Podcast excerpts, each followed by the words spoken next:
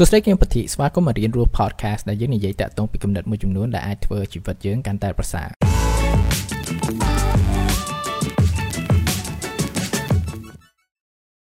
តើកត្តាអ្វីទៅដែលជាកត្តាដែលសំខាន់បំផុតនៅក្នុងសុភមង្គលរបស់យើងនិងភាពរីករាយរបស់យើងនឹង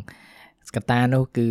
បរិវេណមនុស្សជុំវិញនៅក្នុងជីវិតរបស់យើងនឹងហើយតែតុងពីផ្នែកនេះដែរគឺជាអ្វីមួយដែលគេស្រាវជ្រាវច្រើនមែនតើហើយបើគេមើលទៅគឺថាមិនមែនតែប៉ះពាល់នឹង ភាពរីករាយរបស់យើងប៉ុន្តែក៏វាប៉ះពាល់ដល់អាយុជីវិតរបស់យើងដែរនៅសហរដ្ឋអាមេរិកគេធ្លាប់ធ្វើនៅការស្រាវជ្រាវមួយដែលនៅតែកំពុងធ្វើដែលគេហៅថាការស្រាវជ្រាវដែលវែងបំផុតតាក់ទងពីសុភមង្គលរបស់មនុស្សម្នាក់ហើយគេបានស្រង់មនុស្សមួយចំនួនប្រហែលជាអាយុ20អីចឹងណាយកមកដាក់នៅក្នុង ការងារសិក្សារបស់គេហ្នឹងហើយពីមួយឆ្នាំមួយឆ្នាំអ្នកស្រាវជ្រាវហ្នឹងគឺថាគាត់ទៅសួរមនុស្សក្រុមមនុស្សមួយចំនួនទាំងអស់ហ្នឹងតាក់ទងពីសុខភាពរបស់គាត់ហើយក៏មានវាស់វែងមើលសុខភាពរបស់គាត់ដែរហើយក៏សួរនាំតាក់ទងពីកត្តាផ្សេងផ្សេងនៅក្នុងជីវិតរបស់គាត់តាក់ទងពីគ្រួសាររបស់គាត់ហើយក៏និយាយជាមួយគ្រួសាររបស់គាត់ដើម្បីដឹងតាក់ទងពីបរិស្ថានជីវិតរបស់គាត់ហ្នឹងហើយដល់ការស្រាវជ្រាវហ្នឹងបន្តដល់70ឆ្នាំហើយក៏នៅតែកំពុងបន្តក្នុងការសិក្សាទៀតក៏គេបានឃើញ អ្វីមួយដែលថាសំខាន់មែនតើដើម្បីឲ្យមានសុភមង្គលនៅក្នុងជីវិតហ្នឹងគឺថាតកតងពីបរិវេណមនុស្សជុំវិញខ្លួនរបស់យើងតកតងពីតើយើងហ្នឹងមានបណ្ដាញមនុស្សនៅជុំវិញខ្លួនដែលយើងចាត់ទុកថាជាមនុស្សម្នាដែលថាយើងចិត្តស្និទ្ធជាមួយឬអត់ហើយសន្និដ្ឋានមួយដែលគេបានលើកឡើងតាក់ទងពីការស្រាវជ្រាវនោះគេថាគេអាចទូទាយអាយុជីវិតរបស់មនុស្សម្នាក់ទៅតាមគុណភាពនៃទំនាក់ទំនងរបស់គេជាមួយនឹងមនុស្សម្នាជុំវិញខ្លួនរបស់គេហ្នឹង ហើយមិនមែនតែការស្រាវជ្រាវប៉ុណ្ណឹងក៏មានការស្រាវជ្រាវផ្សេងផ្សេងទៀតដែរគឺអ្នកស្រាវជ្រាវមួយចំនួនគេបានសិក្សាទៅលើក្រុមមនុស្សដែលរស់នៅដល់អាយុ100អីគឺនៅក្នុងពិភពលោកគឺថាវាមានតំបន់មួយចំនួនដែលថានៅក្នុងតំបន់ហ្នឹងមនុស្សគឺថាគាត់រស់នៅបានអាយុវែងមែនតើហើយតំបន់ទាំងអស់ហ្នឹងគេហៅថា longevity blue zone នៅអាស៊ីតំបន់មួយដែលគេចាត់ទុកជា longevity blue zone នឹងដែរគេហៅថា Okinawa នៅប្រទេសជប៉ុននោះហើយតាមការស្រាវជ្រាវនេះគេចង់ដឹងថាហេតុអ្វីបានពួកគាត់រស់នៅ បានយូរជាងមនុស្សម្នាធម្មតាដល់តែអាយុ100 100ជាងអីចឹងហើយបើគេមើលទៅគឺថាកត្តាដែលសំខាន់បំផុត គឺថាតកតងពីគុណភាពនៃទំនាក់ទំនងរបស់យើងជាមួយនឹងមនុស្សជុំវិញខ្លួននឹងវាក៏មិនមែនជាអ្វីមួយដែលថាគួរឲ្យភ្ញាក់ផ្អើលក្នុងការយល់ដឹងដែរព្រោះថាមនុស្សយើងគឺជា អ្វីមួយដែលគេហៅថា social animal គឺថាខ្ញុំអត់ដឹងថាខ្មែរបកត្រូវថាសត្វសង្គមគឺថាយើងអាចវិវត្តទៅបានគឺដោយសារយើងផ្ដុំគ្នាហ្នឹងតាំងពីដើមតាំងពីយើងអត់ទាន់មាន ទីក្រុងរស់នៅអីចឹងយើងរស់នៅអឺដែលតំបន់ព្រៃព្រៃប្រក្សាអីចឹងគឺថាយើងនៅជុំគ្នាការនៅយើងនៅជុំគ្នានឹងវារស់បានប៉ុន្តែទោះបីជាសប្តាហ៍នេះយើងអត់នៅក្នុងព្រៃប្រក្សាដែលថាវាជាបរិវេណមួយដែលថា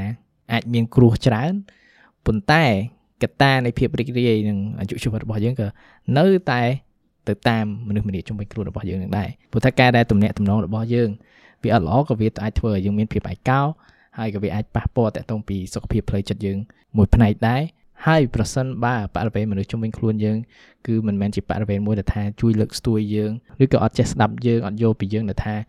យើងអត់ feel belong ក៏វាពិបាកនោះដែរហើយនេះគឺជាអ្វីមួយដែលថាយើងអាច មើលឃើញដែរគឺថាទម្លាប់នៅក្នុងជីវិតរបស់យើងក៏វាអាស្រ័យទៅលើទម្លាប់នៃមនុស្សដែលថាយើងចំណាយពេលច្រើនជាមួយនឹងប៉ះសិនបើមិត្តភ័ក្ដិខ្ញុំច្រើនគឺជាអ្នកហាត់ប្រាណគឺថាវាងាយស្រួលមែនតើថាខ្ញុំអាចនឹងមានទម្លាប់ហាត់ប្រាណប៉ះសិនបើមិត្តភ័ក្ដិខ្ញុំព្រាកច្រើនគឺជាអ្នកផឹកអញ្ចឹងគឺថាខ្ញុំនឹងទៅតែផឹករាល់ថ្ងៃអីអញ្ចឹងមានថាវាអាស្រ័យទៅតាមនឹងដែរប៉ុន្តែតកតងពីការបង្កើតទំនាក់ទំនងមួយដែលល្អហ្នឹងបញ្ហាមូលដ្ឋាន2ដែលថាយើងកំពុងជួបប្រទះនៅក្នុងសង្គមទំនើបសពថ្ងៃនេះ ទី1គឺថាគឺវាតាក់ទងពីជំរឿនៃទំនាក់ទំនងរបស់យើងហ្នឹងគឺថាវារាក់ពេកបើយើងមើលទៅគឺថាតាំងពីសម័យទំនើបហ្នឹងគឺថាយើងចាប់ផ្ដើមមានបណ្ដាញសង្គមយើងមានអ៊ីនធឺណិតប្រើដើម្បីភ្ជាប់មនុស្សម្នាក់ទៅមនុស្សម្នាក់ស្គាល់ពីមនុស្សម្នាក់ទៅមនុស្សម្នាក់ហើយយើងចាប់ផ្ដើមស្គាល់គេច្រើនមែនតើប៉ុន្តែការស្គាល់មនុស្សម្នាក់มันប្រកាសមានន័យថាយល់ពីមនុស្សម្នាក់ឬក៏គេយល់ពីយើងឯងស្គាល់ហើយនឹងយល់គឺខុសគ្នាការដែល យើងស្គាល់គឺថាត្រង់មនុស្សស្គាល់គ្នាការដែលយល់គឺថាគឺជាមិត្តភ័ក្តិពិតហ្មងដែលយើងអាច feel belong បានហើយ technology នេះគឺថាវាជាអ្វីមួយដែលជំរុញយើងក្នុងការស្គាល់មនុស្សច្រើនមែនតើប៉ុន្តែការដែលយើងប្រើប្រាស់វាក្នុងផ្លូវមួយដែលថាវាល្អក៏វាធ្វើឲ្យការស្គាល់គ្នាគឺត្រង់តែជាអ្វីមួយរឯងព្រោះតែការនិយាយគ្នាតមុខគ្នា គឺវាដូចគ្នាដែលយើងចុចឆាតទេព្រោះថាការដែលនិយាយគ្នាយើងអាចនិយាយទៅគឺថាយើងចាប់ផ្ដើមមានអារម្មណ៍អីមួយពេលដែលយើងនិយាយពីមួយមនុស្សម្នាក់ហើយ ការដែលយើងនិយាយគឺថាយើងអត់អាចកិច្ចតាក់ទងពីការសន្ទនាមនុស្សនៅមុខគ្នាត្រូវអត់បើ chat គឺថាអូខេគេ chat របស់យើងឃើញ notification ប្រហែលម៉ោងក្រោយយើង reply ក៏បានឬក៏ពេលយើងសរសេរអីមួយហើយគឺថាយើងអាចលុបអាពាក្យហ្នឹងឲ្យវាយឡើងវិញអីចឹងបានប៉ុន្តែការសន្ទនាពិតមែនគឺវាខុសគ្នាការដែលយើងនិយាយហើយគឺហើយហើយការដែលយើងឆាតហ្នឹងគឺថាវាវាជាអ្វីមួយដែលជំនួយនៅការបង្កើតនៅទំនាក់ទំនងមែន ប៉ុន្តែវាមិនមែនជាអ្វីមួយដែលថាអាចជំនួសនៅការនិយាយគ្នាទៅមុខគ្នាផ្ទាល់ហ្មងឯងហើយនេះគឺជាអ្វីមួយដែលថាគេចាប់ផ្ដើមកត់សម្គាល់ដែរគឺការដែលបណ្ដាញសង្គមវាផ្ទុះឡើងគេថាមាន social media platform ច្រើនអញ្ចឹងគេឃើញនៅតនន័យគេថាមនុស្សដែលគេ report មកថាគាត់មានភាពឯកោ feel lonely គឺថាកាន់តែច្រើនហើយវាប្រកាសជាមានទំនាក់ទំនងខ្លះហើយត្រូវអញ្ចឹងមានថាវាមិនមែនជាអ្វីដែលអាចជំនួសបានទេអញ្ចឹងអ្វីដែលថាយើងអាចធ្វើបានជាជាង ផ្ដោតទៅលើចំនួនថាខ្ញុំស្គាល់គេបានម៉ានេះអូខេ friend ខ្ញុំរាប់ពាន់អ្នកនៅក្នុង Facebook ឬក៏អីចឹងជាជាងខ្វល់ពីចំនួនទាំងអស់ហ្នឹងយើងសួរខ្លួនឯងថាតាមមិត្តភាពរបស់ខ្ញុំដែលថាវាស៊ីជម្រៅមក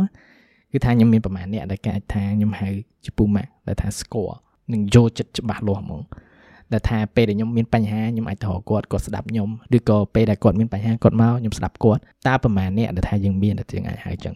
10អ្នក20អ្នក 30នាក់ប្រហែលនាក់ក៏បានដែរប៉ុន្តែយើងមានប្រព័ន្ធណាដែលថាជាក្រុមមនុស្សឬក៏ទំនាក់ទំនងដែលថាយើងអាចទុកចិត្តបានហើយបញ្ហាមួយទៀតដែលថាខ្ញុំឃើញតាក់ទងពីទំនាក់ទំនងគឺថាទំនាក់ទំនងដែលយើងមាននៅក្នុងជីវិតភាគច្រើនគឺជាទំនាក់ទំនងចៃដន្យគឺថាយើងកើតមកគឺយើងOK ចៃដន្យកើតនៅក្នុងគ្រួសារនេះហើយយើងទៅរៀនយើងស្គាល់ក្រុមមនុស្សប៉ុណ្នេះហើយយើងទៅធ្វើការយើងស្គាល់អ្នកធ្វើការអញ្ចឹងថាអ្នកដែលយើងស្គាល់គឺថា បើសិនបើយើងអត់សូវ expose ទៅលើពិភពលោកខាងក្រៅអញ្ចឹងយើងស្គាល់ទៅគ្រួសារសាច់ញាតិហើយជាមួយនឹងមិត្តភ័ក្តិហើយជាមួយនឹងអ្នកធ្វើការជាមួយប៉ុណ្ណឹងគឺថាភាកច្រើនមែនតើហើយការដែលវាជាអ្វីមួយដែលចៃដន្យវាអាចថាជាជោគវាសនាអញ្ចឹងទៅបើថា OK ជោគវាសនាល្អយើងបានជួបតែមនុស្សល្អៗយើងកើតមកក្នុងគ្រួសារល្អហ្នឹងវាគឺជាអ្វីដែលល្អដែរប៉ុន្តែ បើសិនបើអូទេបើគ្រួសារយើងមិនមែនជាអ្នកដែលថាយកចិត្តយើងខ្លាំងឬក៏ជំរុញយើងខ្លាំងឬក៏មិត្តភ័ក្តិរបស់យើងដែលថាយើងដើរជាមួយនឹងក៏គាត់មិនមានទម្លាប់ល្អល្អណាឬក៏មានការជំរុញមួយចំនួនដែលល្អល្អអញ្ចឹងអញ្ចឹងវាថាវាតែងតែទៀមទាយើងក្នុងការ fit in គឺក្នុងការដាក់មតិអ្នកដតីនៅមុខមតិខ្លួនឯងពីអ្វីដែលយើងគិតសំខាន់អញ្ចឹងមានថាយើងលាក់ខ្លួនឯងយើងរស់នៅក្នុងជីវិតមួយដែលមិនមែនជាខ្លួនឯងគឺរស់នៅក្នុងជីវិតមួយដើម្បីគេ ខ្ញុំនិយាយនេះមិនមែនមានន័យថាយើងគួរតែលះបង់ទេទំនាក់ទំនងមួយចំនួននៅក្នុងជីវិតយើងទោះជាវាមិនអាចចាប់ផ្ដើមល្អប៉ុន្តែក៏វាអាចវាអាចមានអ្វីមួយចំនួនថាយើងអាចធ្វើដើម្បីធ្វើឲ្យទំនាក់ទំនងវាវាកាន់តែរីកចម្រើនពេលខ្លះក៏បញ្ហាក៏អាចមកពីយើងដែរប៉ុន្តែអ្វីដែលខ្ញុំចង់លើកឡើងហ្នឹងគឺថាជាជាងពឹងតែលើទំនាក់ទំនងដែលយើងជួបចៃដន្យនៅក្នុងជោគវាសនាជីវិត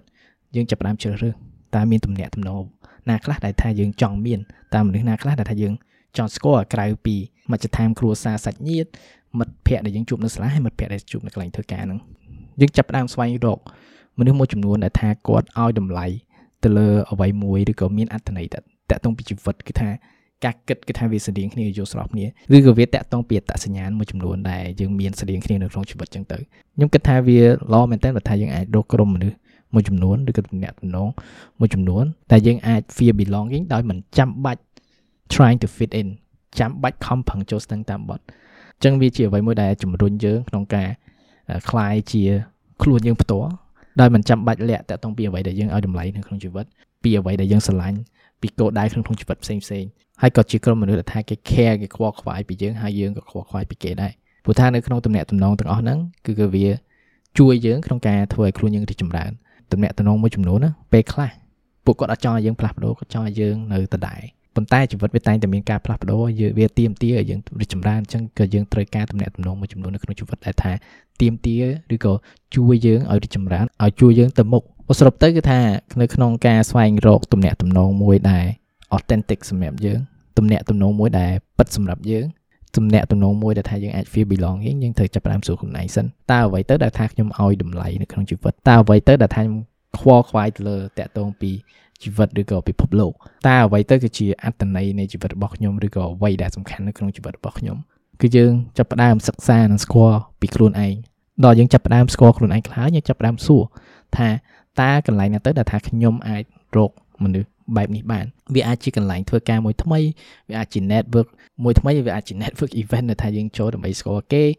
មនុស្សបែបហ្នឹងចឹងទៅជឿមានថាវាជាអ្វីមួយដែល expand នៅ network របស់យើងហ្នឹងចំពោះខ្ញុំគឺថាកន្លែងធ្វើការរបស់ខ្ញុំដែលថាខ្ញុំជ្រើសរើសទៅធ្វើការនៅហ្នឹងព្រោះថាខ្ញុំចង់បាន network បែបហ្នឹងព្រោះថាកន្លែងធ្វើការខ្ញុំគឺថាវា focus ទៅលើ personal growth ហើយនេះគឺជាអ្វីមួយដែលថាខ្ញុំចូលចិត្តហើយអ្នកធ្វើការនៅហ្នឹងក៏គេចូលចិត្តនៅហ្នឹងដែរជឿថាទៅដល់ហ្នឹងទៅគឺថាយ៉ាខ្ញុំចាប់ដើមស្គាល់នឹង មនុស្សច្រើនដែលថាគេ value ឬក៏គេសិក្សាតាក់ទងពីអ្វីបែបហ្នឹងហើយគេខ្វល់ខ្វាយក្នុងការយល់ដឹងបន្ថែមអញ្ចឹងជឿថាវាជាកន្លែងមួយដែលថាវាបង្កើតនៅ network និងស្គាល់មនុស្សច្រើនមែនតើសម្រាប់ខ្ញុំហើយប្រហែលឆ្នាំមុនគឺថាខ្ញុំចាប់ផ្ដើម volunteer ច្រើនពេលដែលខ្ញុំ volunteer នៅក្នុង organization មួយដែលថា value ឬក៏អ្វីដែលគេឲ្យតម្លៃហ្នឹងគឺថាវាស្តៀងនឹងអ្វីដែលថាខ្ញុំ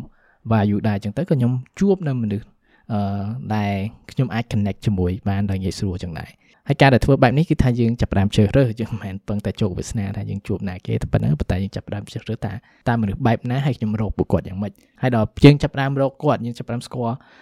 មនុស្សទាំងអស់ហ្នឹងយើងចាប់ផ្ដើមមាន connection មួយចំនួនហើយយើងគិតថាអូខេពួកគាត់ជាក្រុមមនុស្សដែលសំខាន់នៅក្នុងជីវិតរបស់យើងយើងចាប់ផ្ដើមសួរខ្លួនឯងបន្តថាតើមានអ្វីដែលថាខ្ញុំធ្វើសពថ្ងៃដើម្បីបង្កើននៅជំរឿនៃ មិត្តភាពរបស់យើងជាមួយនឹងពួកគាត់តើយើងចំណាយពេលជាមួយពួកគាត់យ៉ាងម៉េចជាជាងមានមិត្តភ័ក្តិរាប់ពាន់រាប់ម៉ឺនយើងគ្រាន់តែមាន10 20 30 40 50នាក់តែក្រុមមនុស្សទាំងអស់ហ្នឹងគឺថាជាមនុស្សដែលថាយើងចំណាយពេលច្រើនជាមួយហ្នឹងវាជាអ្វីមួយថាបង្កើននៅភាពរីករាយយើងមែនតើអញ្ចឹងកុំចោលឲ្យសោះតាក់ទងពីទំនាក់ទំនងនៅក្នុងជីវិតរបស់យើង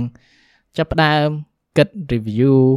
វិនិច្ឆ័យឡើងវិញតកតងពីទំនាក់ទំនងដែលថាយើងមានសពថ្ងៃហើយយើងគិតមើលថាតើអ្វីខ្លះយើងអាចធ្វើដើម្បីធ្វើឲ្យទំនាក់ទំនងទាំងអស់នោះវាកាន់តែរីកចម្រើនហើយកាន់តែល្អហើយតើទំនាក់ទំនងថ្មីណាខ្លះដែលយើងគួរឈានជើងចេញពី comfort zone របស់យើងដើម្បីស្គាល់មនុស្សបែបហ្នឹង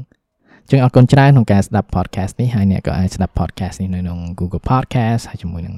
Apple Podcast ហើយចាំជួបគ្នាថ្ងៃក្រោយនៅអេពីសូតក្រោយក្នុងអំឡុងពេលនេះអភិវឌ្ឍខ្លួនជានិច្ចបាយបាយ